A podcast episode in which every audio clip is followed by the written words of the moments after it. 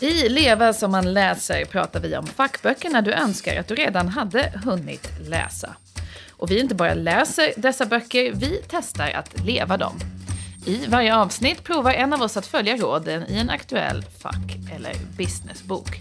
Jag heter Katrin Marsall och jag gör den här podden tillsammans med Maria Borelius för Ekonomikanalen EFN. Välkommen till säsong två av Leva som man läser.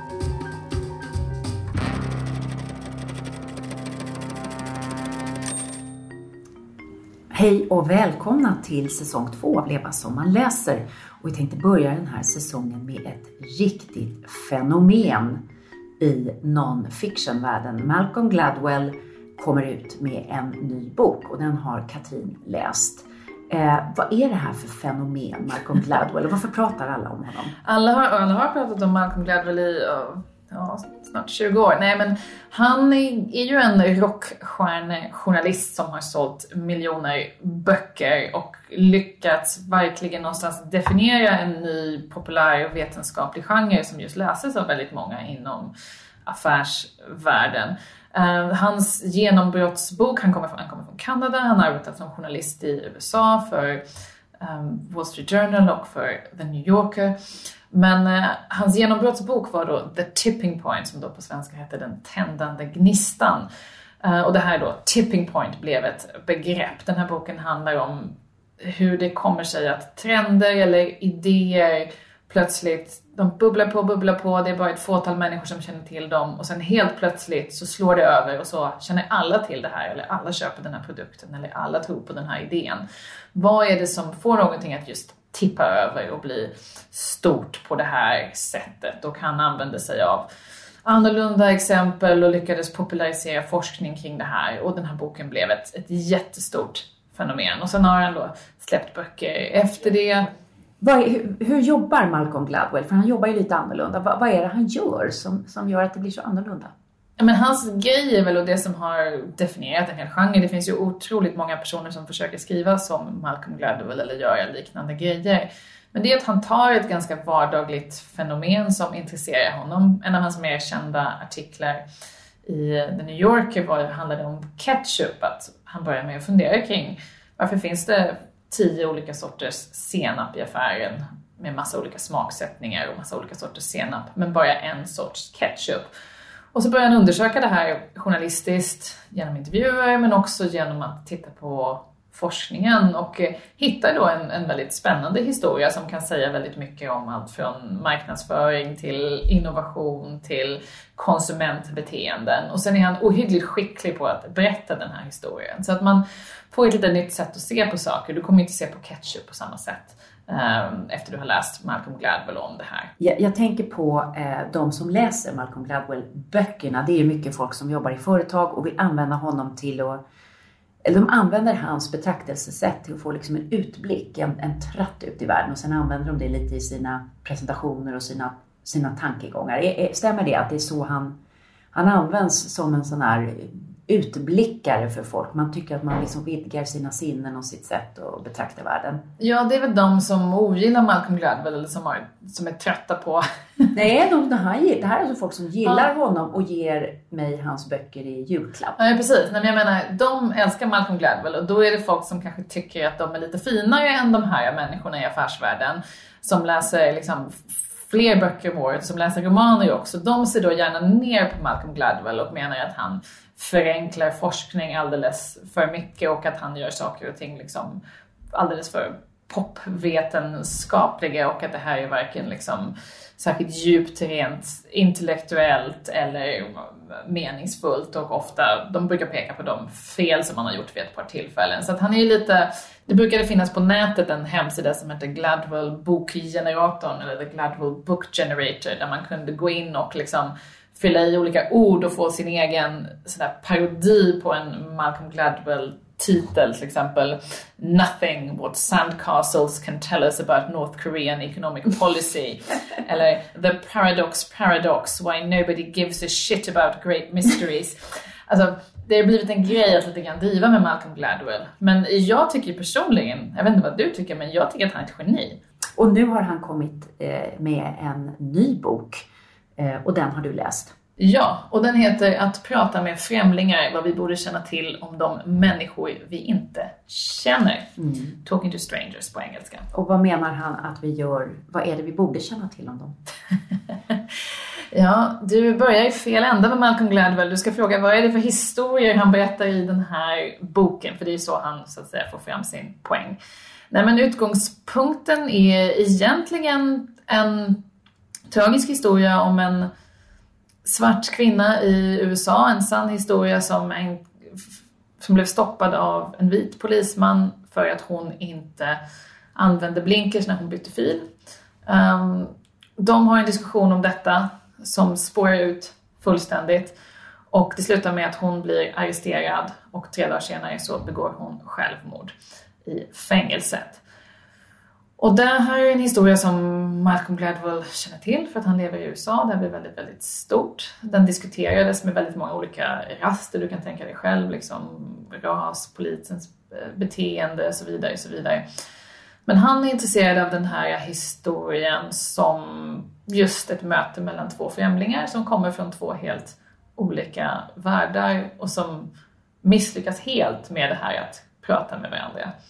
Och hur skulle, ska vi kunna förbättra, för vi tvingas ju i den här världen vi lever i hela tiden att möta människor som vi har ganska lite gemensamt med, som är främlingar för oss. För oss. Hur ska man på ett bättre sätt kunna möta varandra?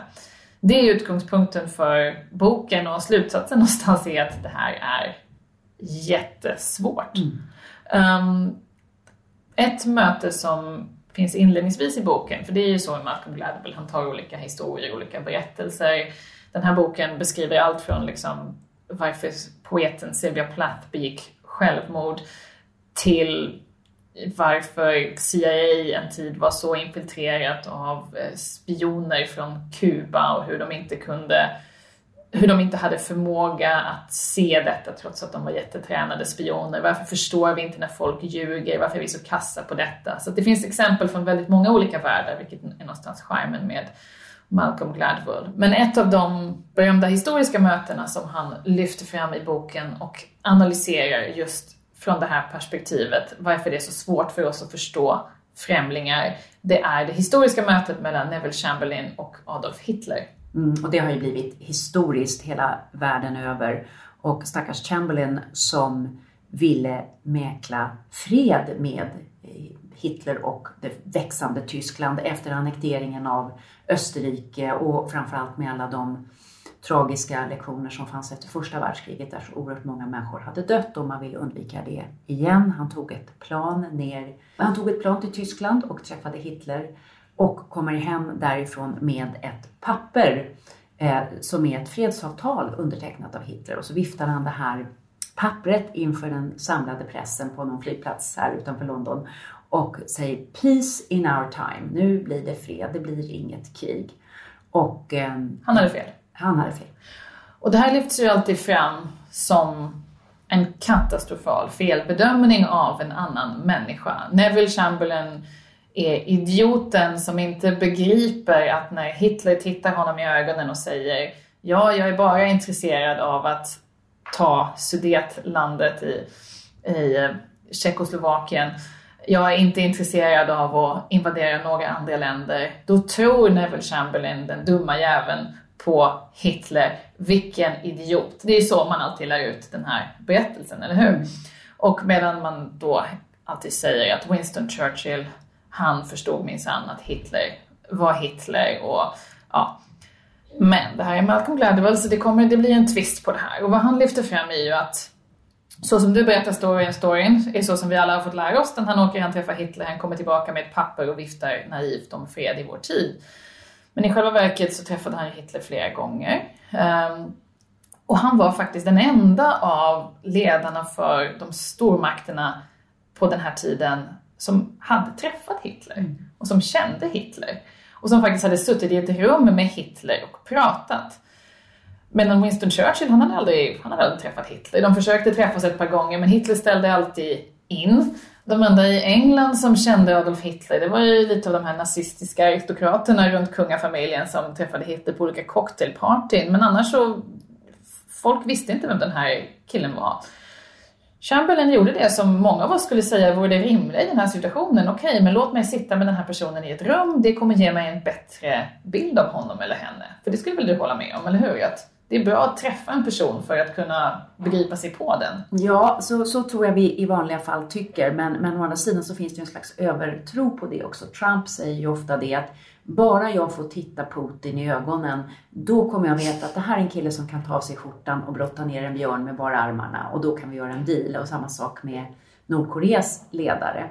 Så att det kan ju finnas en övertro för det också, eller till att, att det mänskliga mötet alltid är så himla Exakt, och det är det här som är, och det är, exakt, och det är det här som är Malcolm Gladwells poäng. Liksom, att vi tror ju att det alltid är bra att träffas. Om du ska anställa någon Maria så vill du gärna insistera du på att träffa den här personen och intervjua den här personen. Och då tror du att du vet mer om den här personen. Men i själva verket så är det ofta, även enligt forskningen, tvärtom. Precis som det var för Det är tvärtom, det är inte noll, det är tvärtom. Det kan ofta vara tvärtom. Men vad är det om man ska tro vi, vi förled, Om man ska tro, vad är det vi förleds av? Om någon är trevlig, om någon det vi förleds ja, av är... Kan ner en björn? Nej, det vi förleds av är att vi då vi överskattar vår egen förmåga att bedöma en annan människa. Om du sitter i ett rum med Hitler innan han har invaderat Polen. Och Putin. Eller Putin innan han har, vad nu Putin tänker hitta på de närmsta 12 månaderna. Halva Ukraina. Ja. Um, då kommer du överskatta din förmåga att i den situationen utifrån något litet som händer där bedöma hela den här människans karaktär.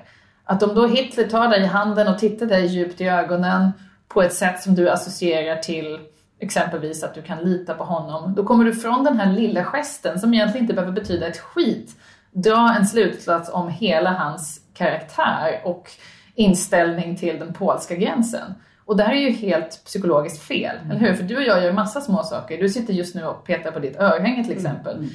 Jag skulle kunna dra en slutsats om att detta säger en väldigt massa saker om dig. Att du är nervös i den här situationen eller du är egentligen en smygnazist som tror på Hitler och därför så... Jag drömmer om att vara Dolly Parton. Du dröm, eller du drömmer eller örhängen. Vad, vad som, som helst. helst. Jag skulle kunna dra en massa slutsatser om detta. Och det är dumt för vi är inte så bra på att uh, faktiskt bedöma andra människor.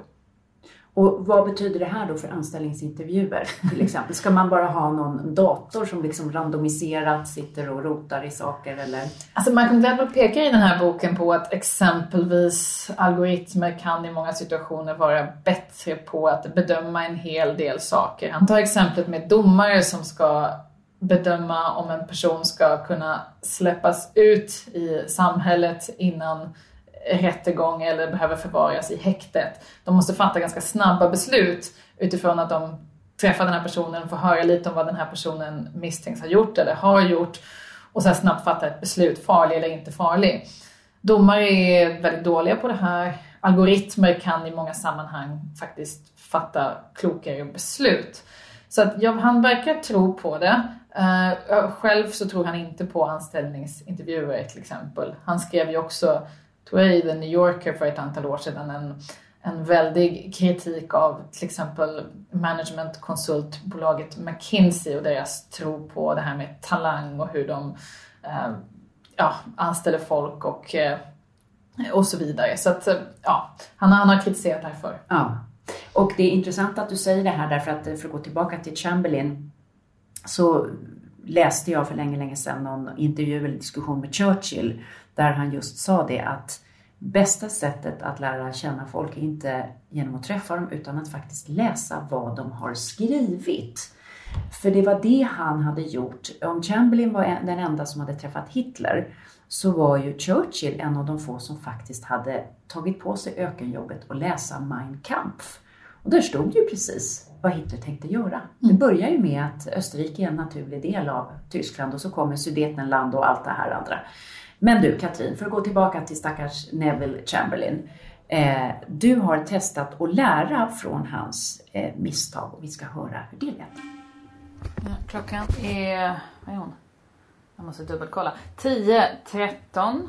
Jag har ett kontrakt som mitt förlag har skickat till mig. Som de verkar tycka att jag ska skriva på här. Men så lättlurad är ju inte jag förstås utan jag ska ju läsa alltihopa nu och se. Viktigt att hålla koll, man vet aldrig vad de kan smyga in för grejer här. Does, uh, does Audrey need a nappy change? No, I, I changed it um, yeah. about half an hour ago. So maybe we'll, we're just gonna. I'm just gonna check. I'm just gonna check. I'm just gonna check. She might. She might. You know.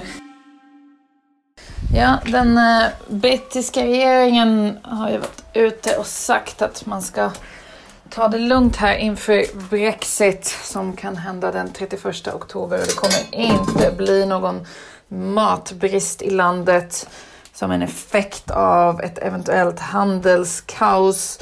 Och därför bör folk inte hamstra någon mat, för om folk hamstrar mat, då kan det bli kaos. Det var något ute och sagt.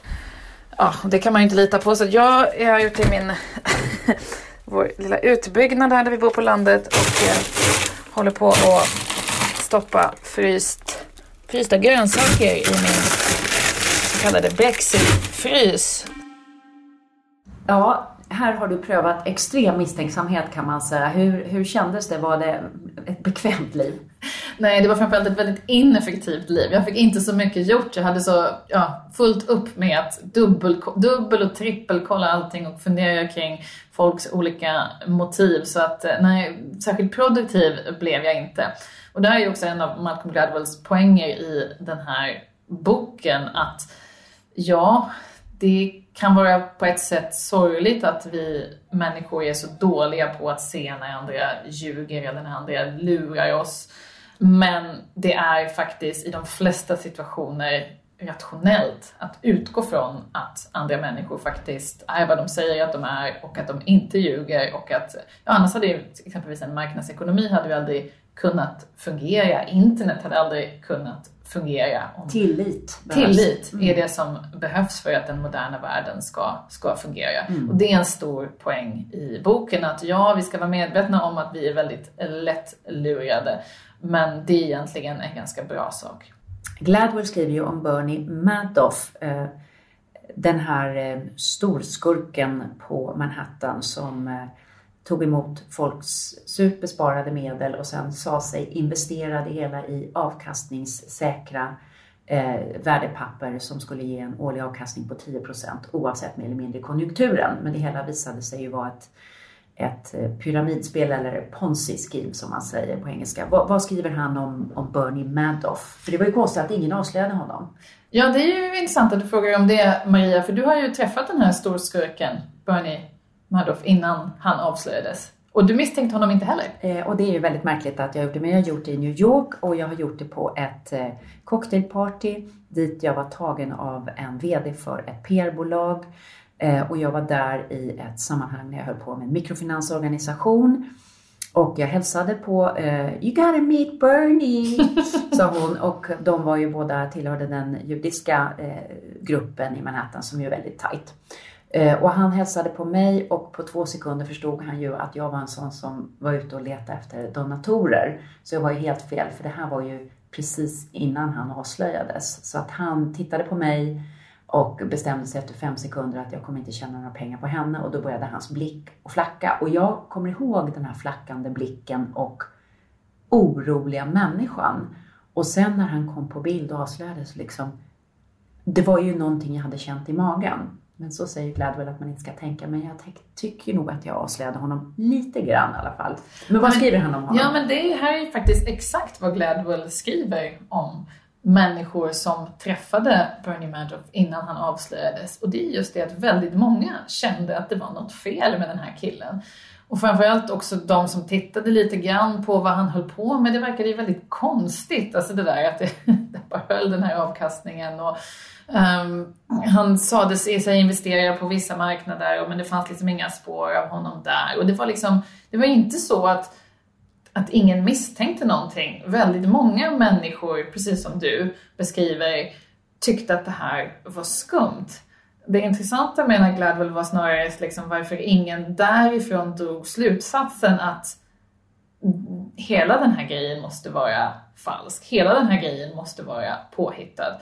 Han beskriver folk som liksom tittade ändå, ändå relativt noggrant på vad han höll på med, såg att det var fel, drog tillbaka sina investeringar, men inte helt utan tog bara tillbaka hälften av dem. Eh, eller skar bara ner dem med 50 procent. Varför då? Det verkar ju dumt.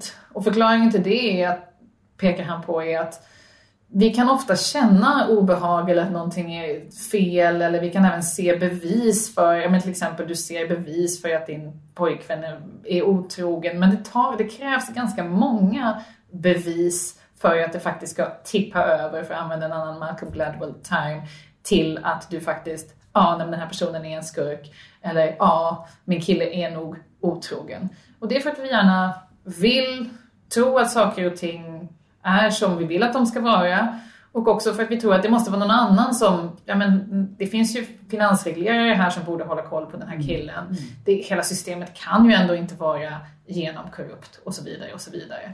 Så att det, är liksom inte, det behövs liksom inte en grej eller en konstig känsla i magen utan, utan väldigt många saker för att vi ska faktiskt på allvar dra en slutsats om att någonting är, är fel. Så det är ju helt i enlighet med, med din upplevelse i det här sammanhanget. Men, men kan det vara så också att liksom ingen tror att någon är så jäkla fräck som man bara gör ett enda hittepå? Ja, precis. Alltså det, det, det, det, det är så otänkbart att eh, på något sätt, det finns ju kända politiker i världen idag som, som, som opererar med en typ av skurkaktighet, lögnaktighet som är så monumental så man liksom bara, men man kan inte ens förstå att någon kan hålla på och jävlas på så stor skala så att mm. säga. Så det blir liksom det blir orimligt och då släpper man det därför det mm. finns inte i ens egen begreppsvärld. begreppsvärld. Ja precis, och många av exemplen i den här boken här kommer från så här, spionvärlden. Ja, det är intressant. Ja, det är intressant. Och de är ofta, alltså, Malcolm Gladwell gillar spionhistorier väldigt mycket och är en ganska passionerad läsare av spionhistorier.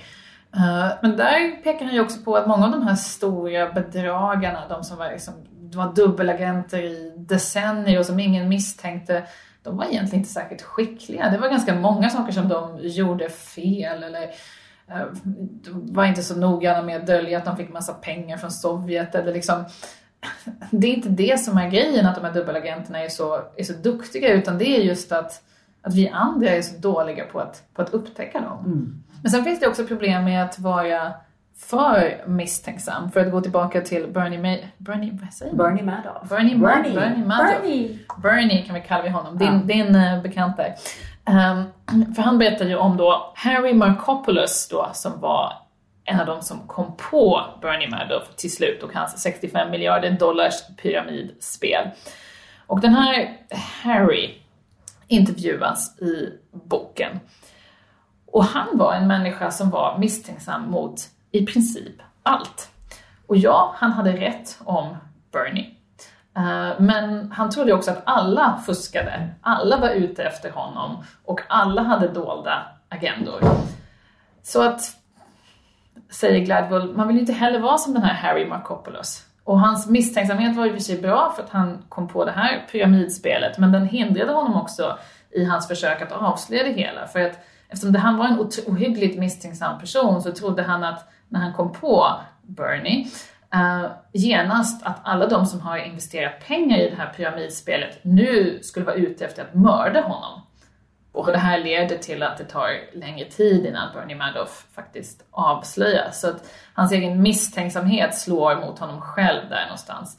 Um, så att, men det är intressant att du säger att det är det ja, men jag, jag, det var nog ganska legitimt. Ja, jag tror det. Och ja. det var ju väldigt mycket pengar i spel. Ja, du borde skriva en rasande kulturartikel om att Malcolm Gladwell har fel. Ja, om.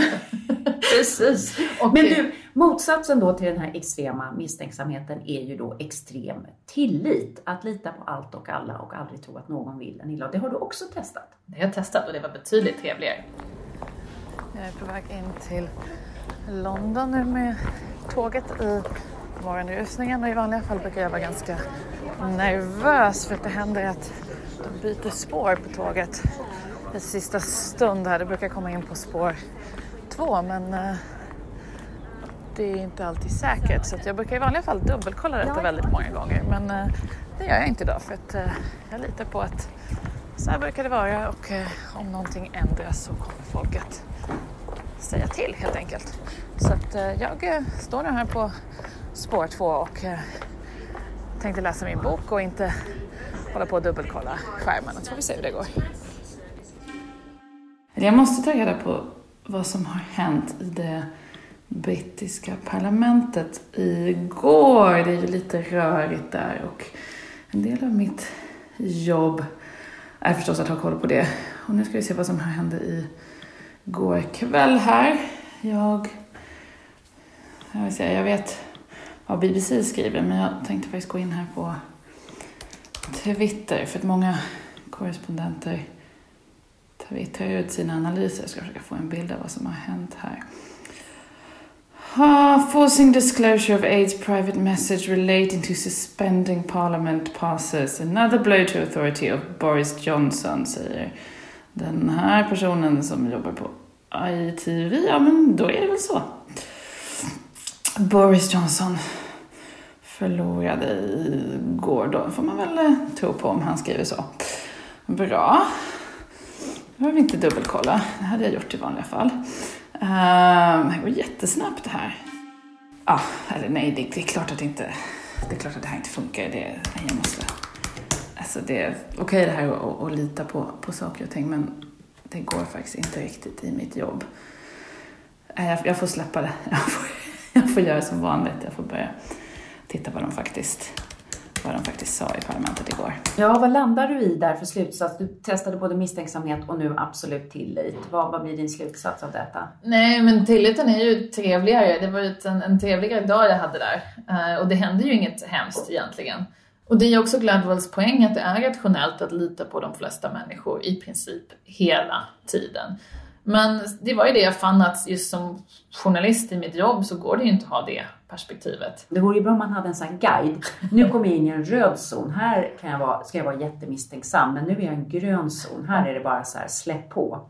Nej, igen Maria, det här är Malcolm Gladwell. Den kommer inte sluta i en punktlista. Så här ska du göra. Utan han är en historieberättare. Han berättar en mängd väldigt, väldigt bra historier. En del har väldigt mycket med ämnet att göra, en del har kanske lite mindre med ämnet att göra och kanske det känns som att han eh, liksom snor in sig i någonting som i och för sig är väldigt intressant och väldigt underhållande men kanske inte riktigt säger något om bokens själva tes. Så det är snarare en, man ska läsa den här boken för att man vill tänka till och lära sig saker och eh, följa med en väldigt bra historieberättare på, på vägen. Men sen känns det ju som att han, den är lite mörkare än många andra av hans böcker som ju brukar sluta med ett ganska sådär nästan lite självhjälpsaktig ton om att eh, alla kan bli framgångsrika och eh, alla som har varit underskattade kan faktiskt eh, slå tillbaka och eh, besegra jättar i sitt liv. Alltså det, ofta den tonen. Det här är mer en bok som man märker att han har funderat kring det här problemet utifrån stora och svåra frågor som det där med, med ras, det här exemplet jag tog i, i början om den svarta kvinnan som stoppas i av polisen och det hela slutar i, i tragedi. Han har tänkt kring det. Det är som stora och svåra frågor. Han har funderat, brottats med dem och kommer väl kanske inte fram till så mycket annat än att det här är svårt och det är komplicerat. Han har väl någon formell slutsats om att vi måste så att säga försöka bemöta andra människor eller främlingar då, både med ödmjukhet och försiktighet. Men vad betyder det rent konkret? Mm. Det, det vet man ju inte. Men jag tror att man ändå får med sig ganska många exempel och har tänkt kring de här sakerna när man läser Gladwell. Mm. Vad, vem ska läsa den här boken? Människor som har problem med tillit eller med, nej, nej. nyfikna? alla som vill läsa en välskriven bok ska läsa den här boken. Um, det är därför den är bra. Det är, liksom, det är en läsupplevelse. Och det är också, Malcolm Gladwell är, han är väldigt bra på att skriva någonting som är maximerat för att konsumeras just i bokform. Liksom. Det här är inte en bok som går att sammanfatta i en podd eller i fyra punkter utan man måste liksom faktiskt läsa den från första sidan till sista sidan. Um, och det är det som gör den så bra. Det är som en, det är en väldigt, väldigt välskriven liten eh, resa som säger en hel del saker som kanske inte är omvälvande eller förändrar ditt liv eller är liksom det mest revolutionerande du någonsin hört utan mycket av det är väl ganska självklara saker men det får dig att tänka två, tre gånger till på dem och det är väldigt skickligt gjort. Så att eh, nej, jag har full förståelse för att det här kommer bli en, ännu en jättelik världsbestseller för Malcolm Gladwell. Malcolm Gladwells bok Att prata med främlingar och det här var Leva som man läser. Jag heter Maria Borelius. Och jag heter Katrin Marsall. Du har hört det trettonde avsnittet av Leva som man läser. Nästa avsnitt släpps om två veckor. Ansvarig utgivare är Anna Fagerström och Leva som man läser görs för Ekonomikanalen, EFN.